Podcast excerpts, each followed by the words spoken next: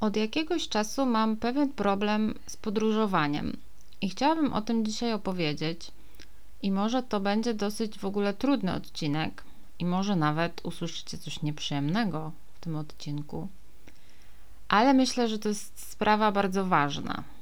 I u mnie ten problem z podróżowaniem zaczął się, kiedy pracowałam jeszcze jako pilotka wycieczek i przekonałam się, na czym tak naprawdę polega masowa turystyka i jakie są jej skutki. I dotyczy to zwłaszcza krajów biedniejszych. I od razu na początku zdradzę Wam pewien sekret. Otóż ideą takiej wycieczki objazdowej, takiej jakie prowadziłam, e, takiej organizowanej przez biuro podróży, wcale nie jest to, żeby turysta zobaczył jak najwięcej, doświadczył jak najwięcej, poznał kulturę kraju. Ideą jest, żeby wydał pieniądze tam, gdzie biuro go do tego namówi i żeby przy okazji miał wrażenie, że gdzieś był, coś widział i czegoś doświadczył. I o tym, jak się zarabia na wycieczkach i na czym tak naprawdę zarabia pilot wycieczki, mówiłam już w poprzednim, e, znaczy w jednym z poprzednich odcinków. I no to nie jest żadne odkrycie, bo tak działa turystyka na całym świecie. I o ile powiedzmy, że Alhambra, Muzeum Prado, no to po prostu się zwiedza i można coś z tego wynieść, to ludzie dzisiaj, nie wiem, czy oni szukają tak naprawdę muzeów. Raczej wydaje mi się, że poszukują takiej jakiejś autentyczności, czegoś takiego innego, czegoś, co będzie nie do końca turystyczne, nieturystyczne, niekomercyjne, takiego doświadczenia, dotknięcia życia ludzi w innym kraju, ale też nie za bardzo i nie za blisko, o czym za chwilę powiem.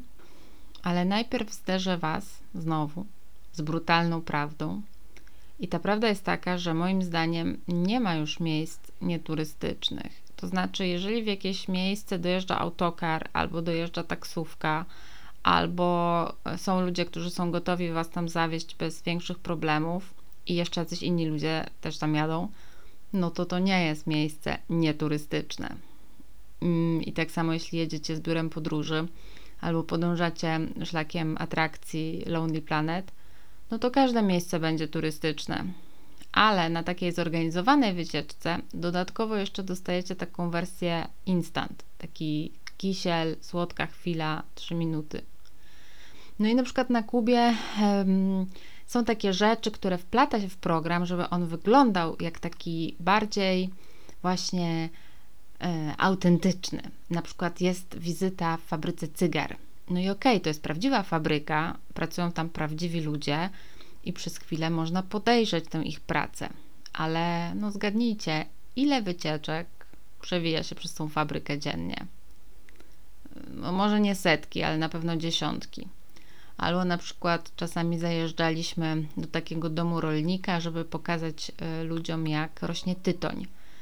No i ten tytoń tam faktycznie rośnie i to jest ciekawe, i ten człowiek faktycznie ciekawie opowiada, ale jakby o co w tym chodzi? To nie jest tak, że on to robi z dobrego serca i że po prostu zaprasza cały autokar do siebie.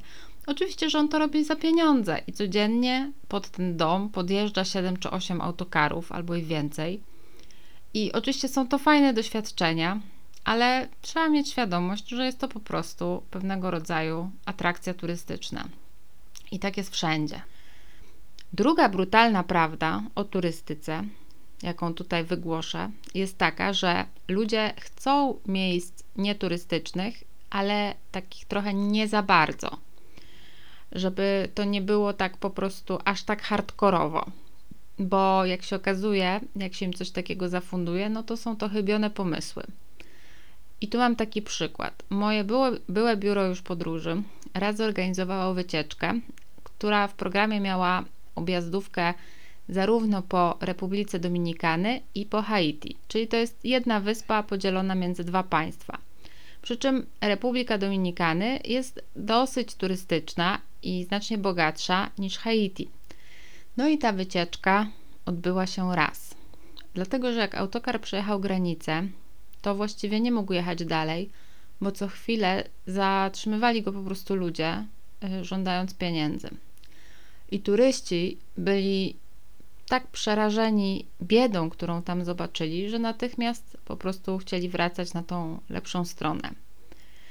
I no wiecie, turyści nie chcą oglądać biedy, a przynajmniej nie cały czas. No przez chwilę można zrobić kilka zdjęć, ale potem chcą wrócić do swojego bezpiecznego hotelu. Dlatego właśnie wiele osób jeździ do takich turystycznych enklaw w Kenii, na Zanzibarze, na Dominikanie, bo nie chce oglądać tej reszty kraju. No a jeśli już, to tylko właśnie z okien autokaru w drodze na lotnisko. Na przykład na Kubie podczas spaceru po Hawanie czasami zaglądaliśmy do sklepu na kartki. No to jest taki sklep, który wygląda nie za specjalnie. Raczej tam, wiecie, raczej syf, jakieś tam worki z ryżem, beczki z olejem, jakieś obrzydliwe mięso na hakach. I ludzie robili takie zdjęcia z przyczajki i mówili do siebie: O, jak u nas w PRL-u. Ja nie pamiętam, jak wyglądały sklepy na kartki, ale podobno właśnie tak. No i teraz tak, czy to jest fajne zobaczyć taki sklep? No jest, bo to jest autentyczne. Ale co by było, gdyby na Kubie istniały tylko takie sklepy? Gdyby nie było supermarketów, w których można kupić e, normalną wodę mineralną, jakieś napoje, jakieś wafelki. No, czy ludziom by się coś takiego podobało? Nie sądzę. Dlatego właśnie chcę Wam powiedzieć dzisiaj, komu odradzam podróż na Kubę. I skłoniła mnie do tego książka Olgi Tokarczuk, Czuły narrator, bo w tej książce Tokarczuk naprawdę bardzo dużo pisze o podróżowaniu, a właściwie o byciu w ruchu. I pisze innymi o tym, że dzisiaj ludzie wypoczywają sobie w hotelach all inclusive, nie myślą o tym, że kilkaset metrów dalej morze wyrzuca na brzeg ciała uchodźców. Ja nie chcę wywoływać tutaj u nikogo poczucia winy, ale wydaje mi się, że to jest ważne, by uświadomić sobie pewne rzeczy. I tak jak pisze Tokarczuk, cytuję: Ów blady i ścierpnięty od wielogodzinnej jazdy podróżny robi poruszone zdjęcia przez szyby autokaru, a nogi rozprostowuje tylko tam, dokąd zaprowadzą go wola i interesy pilota wycieczki. True that.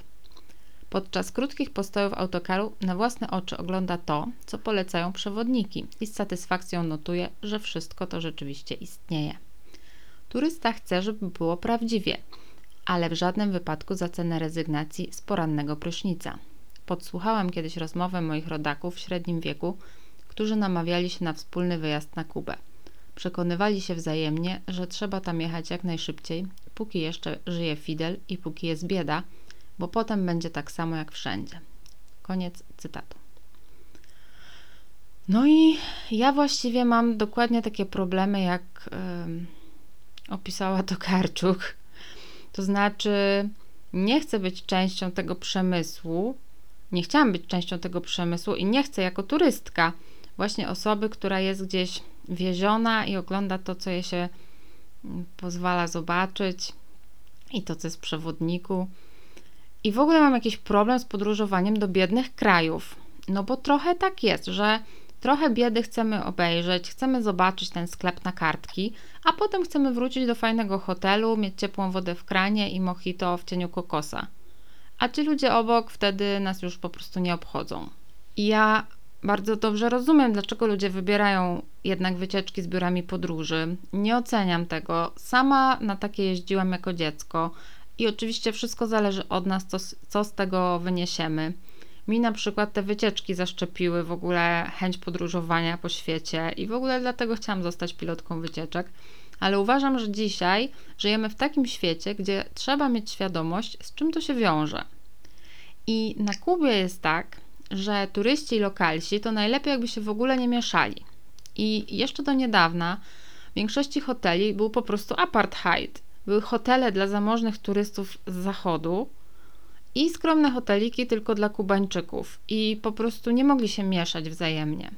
I do takich kurortów jak Varadero czy Cayo Coco to nie mogli nawet wjechać Kubańczycy, którzy tam nie pracowali, nawet jak mieli pieniądze.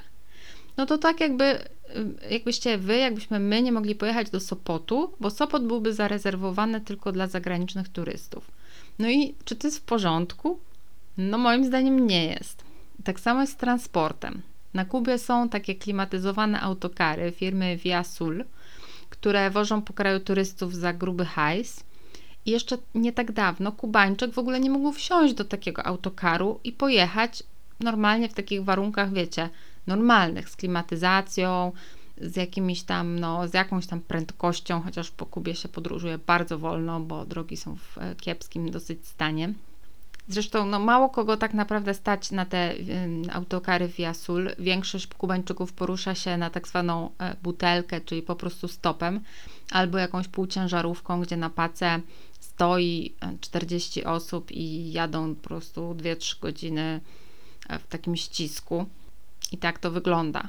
I tak samo jeśli jedziecie na Kubę, jesteście w jakimś hotelu Varadero albo w innym kurorcie, to miejcie świadomość, że żaden zwykły Kubańczyk na Was nie zarobi, chyba że zostawicie pokojówce sowity napiwek.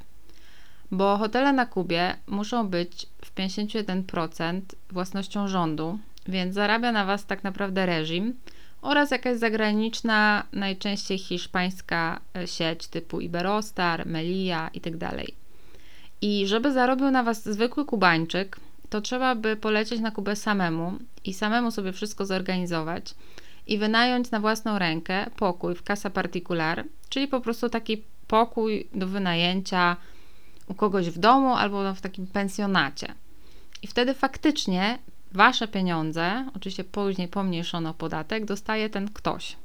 I podobnie z restauracjami. Jeżeli jecie w hotelu, to wszystko idzie na konto hotelu. Musieli, musielibyście po prostu jeść na mieście w prywatnych restauracjach, czyli paladarach, żeby pieniądze trafiły po prostu do ludzi. Więc wracając do tytułu tego odcinka, no to odradzam po prostu podróż na Kubę tym, którzy nie chcą sobie sami zorganizować wycieczki i nie chcą jednocześnie wspierać reżimu. Natomiast uprzedzam lojalnie, zorganizowanie sobie samemu wycieczki po Kubie wcale nie jest takie proste. Bo to, to nie jest tak, że wiecie, lądujecie w Hawanie i macie rozkład autobusów do centrum i co 15 minut jeździ bus. Tam trzeba dużo bardziej kombinować, pytać, trzeba się targować i yy, no, trzeba znać y, podstawy chociaż hiszpańskiego, żeby się dogadać. I trzeba być po prostu dosyć samodzielnym. Y, jeśli chodzi o bezpieczeństwo, to jest bardzo bezpiecznie i w ogóle jakaś przestępczość taka uliczna to właściwie nie istnieje. Natomiast no, trzeba być dosyć biegłym w takim poruszaniu się po prostu w dosyć niesprzyjających warunkach. I jeżeli to jest nie dla Was, no to odradzam, bo wycieczka z biurem podróży sprawi, że zobaczycie po prostu Kubę przez szybę. Przez szybę autokaru albo po prostu przez szyby y, hotelu w jakimś wielkim kurorcie. No i zobaczycie może i ładne miejsca, ale to jest bardzo dalekie od tego, jaka jest Kuba. Więc y, będziecie jak ten podróżny po prostu od Tokarczuk. Y, y, jedziecie, zatrzymujecie się, wysiadacie i oglądacie to, co jest w programie. Po drugie, odradzam Kubę tym, którzy się za dużo o niej naczytali. Naprawdę. W ogóle odradzam zbyt dużo czytania o danym miejscu przed podróżą, bo najczęściej potem ludzie są rozczarowani, że wiecie, woda nie wygląda tak jak na podkręconych w Photoshopie zdjęciach. Na Kubie jest tak, że lepiej nastawiać się, że generalnie będzie różnie, że można gdzieś nie dojechać, że coś może być zamknięte, że coś może nie wyjść, nie udać się. Y, no bo tak, bo tak się dzieje. Ja na przykład prowadziłam wycieczkę, kiedy umarł Fidel. I wiele miejsc po prostu się zamknęło z dnia na dzień i już. I nic się nie zrobi. No ale ludzie i tak byli rozczarowani, bo tam nie zwiedzili jakiegoś tam kościoła, który mieli w programie. Albo, że na przykład musieliśmy jechać 200 km dalej do hotelu, bo wszystkie miejsca w danym mieście zajęli e, oficjele państwowi. Bywa i tak. Po trzecie, odradzam Kubę tym, którzy muszą mieć koniecznie ciepłą wodę w hotelu zawsze, którzy e, boją się po prostu e, jakichkolwiek pająków czy robaków, bo to się zdarza. I hotel może być naprawdę pięciogwiazdkowy, a i tak nie ma ciepłej wody albo nie ma prądu, na przykład przez tam kilkanaście minut, albo są jakieś, no nie chcę mówić, że karaluchy, no ale jakieś żywe istoty w pokoju. I ogólnie Kubańczycy na takie rzeczy reagują totalną obojętnością. I y, to jest taki kraj, gdzie robienie awantury w recepcji nie daje nic, bo recepcjoniści albo recepcjonistki tylko się na was popatrzą, postukają palcem w blat i tyle. i naprawdę trzeba mieć sporo cierpliwości, bo meldunek w hotelu może trwać pół godziny na osobę, bo nie wiem, coś im nie działa i trzeba się z tym pogodzić. I nie chcę serwować tu jakichś e, stereotypów na temat Kubańczyków, ale generalnie można by powiedzieć, że pośpiechu wielkiego na Kubie nie ma. Więc jeśli jesteście bardzo przywiązani do zegarka, to też nie jest miejsce dla Was. I nie jest to też miejsce dla kogoś, kto ma jakieś bardzo wysokie wymagania kulinarne, bo czasami do wyboru jest kurczak. I już. I żeby nie było, kubańska kuchnia jest pyszna i jadłam tam wspaniałe rzeczy, absolutnie przepyszne rzeczy. W Hawanie czy w Trinidadzie jest mnóstwo e, prywatnych restauracji serwujących świetną kuchnię. Zresztą, jeżeli mieszkacie w Casa Particular, to wasz gospodarz na pewno wam przygotuje coś pysznego. Ale zdarza się, że gdzieś na trasie zatrzymujecie się po prostu, no bo musicie zjeść. No i jest do wyboru kurczak i mi naprawdę bardzo to jedzenie smakowało. I mówiono mi, że a zobaczysz, będziesz jeść ryż z fasolą i fasolę z ryżem, co się okazało totalną nieprawdą, ale zdarza się, że po prostu jest tak, że czegoś nie ma, nie dowieźli, nie przyjechało, nie przyleciało i nie ma. I trzeba zjeść to, co akurat jest. Na przykład yy, ja pamiętam, jadłam raz przez trzy dni yy, ryż z fasolą i z ogórkami. I w sumie rozumiem też ten motyw, że jedźmy na Kubę, póki nie jest tam tak samo jak wszędzie. Ale też e, dorabianie jakiejś romantycznej ideologii do tego, co się tam działo i dzieje, do rewolucji, do Fidela, to jest moim zdaniem myślenie troszeczkę w złą stronę. I warto jednak przeczytać jakąś e, niepropagandową książkę o Kubie, na przykład jakichś kubańskich dysydentów, bo też jest tak, że na zorganizowanej wycieczce jedzie z wami e, lokalny przewodnik z państwowego biura. No i on dba o to, żeby tam była mm, odpowiednia dawka jakby politycznej poprawności. To znaczy w każdym programie, każdej zorganizowanej wycieczki są te wszystkie punkty jak Muzeum Rewolucji, ten wykolejony pociąg Che Guevary i tak dalej. I to się po prostu ogląda i to jest w każdym programie. Natomiast e, no, na Kubie turystyka jest bardzo ważna. No, to jest trzcina cukrowa dzisiejsza, główna gałąź gospodarki i wielkie pieniądze. Dlatego też wszelkie takie przewidywania mówią o tym, że Kuba będzie się coraz bardziej otwierać, coraz bardziej komercjalizować, tak amerykanizować. E, dzisiaj na przykład najwięcej na Kubę przylatuje Kanadyjczyków. Dla nich to jest taki bardzo tani i bliski kierunek, gdzie sobie po prostu lecą na tydzień all inclusive e, do jakiegoś tam hotelu w Varadero, na, na, żeby po prostu posiedzieć na plaży i popić drinki ale tydzień all inclusive Varadero to się niczym nie różni od tygodnia all inclusive na Zanzibarze, czy w Egipcie, czy nie wiem, na Dominikanie. Jak ktoś potrzebuje, ja szanuję, ale żeby w ogóle zobaczyć jakiś kawałek Kuby, to trzeba wyjść z tego hotelu. No bo inaczej to się ogląda tylko takie klony, po prostu podobne do siebie restauracje, hotele i baseny. I nie jest to doświadczenie w ogóle jakby kultury, e, czy w ogóle tego kraju. I wracając do tego, co powiedziałam na początku, że mam problem z podróżowaniem do biedniejszych krajów, no to wiąże się też ten problem z tym, że tak dziwnie wypoczywać w superkurorcie, kiedy po prostu obok dzieci na ulicy dzieją, dzielą jednego placka na cztery. I byłam na przykład dwukrotnie w Indiach i totalnie mnie ten kraj zafascynował na tyle, na ile mógł przez tak krótki czas. Ale kurczę, no mam moralny dylemat, czy lecieć po raz trzeci, bo wiecie, mój bilet to jest um, taka suma pieniędzy, za którą cztery rodziny w Indiach przez miesiąc wyżyją. Jak lecicie sobie do Włoch, czy do Grecji, czy do Portugalii, to wiecie, że no nie wiem, jest jakiś tam Giuseppe, który wynajmuje wam pokoje, zarabia na was, no ale generalnie ludzie tam mają jeszcze trochę lepiej niż my, albo tak samo jak my, zarabiają uczciwe pieniądze na turystyce. Powiecie, że w biednych krajach też zarabiają.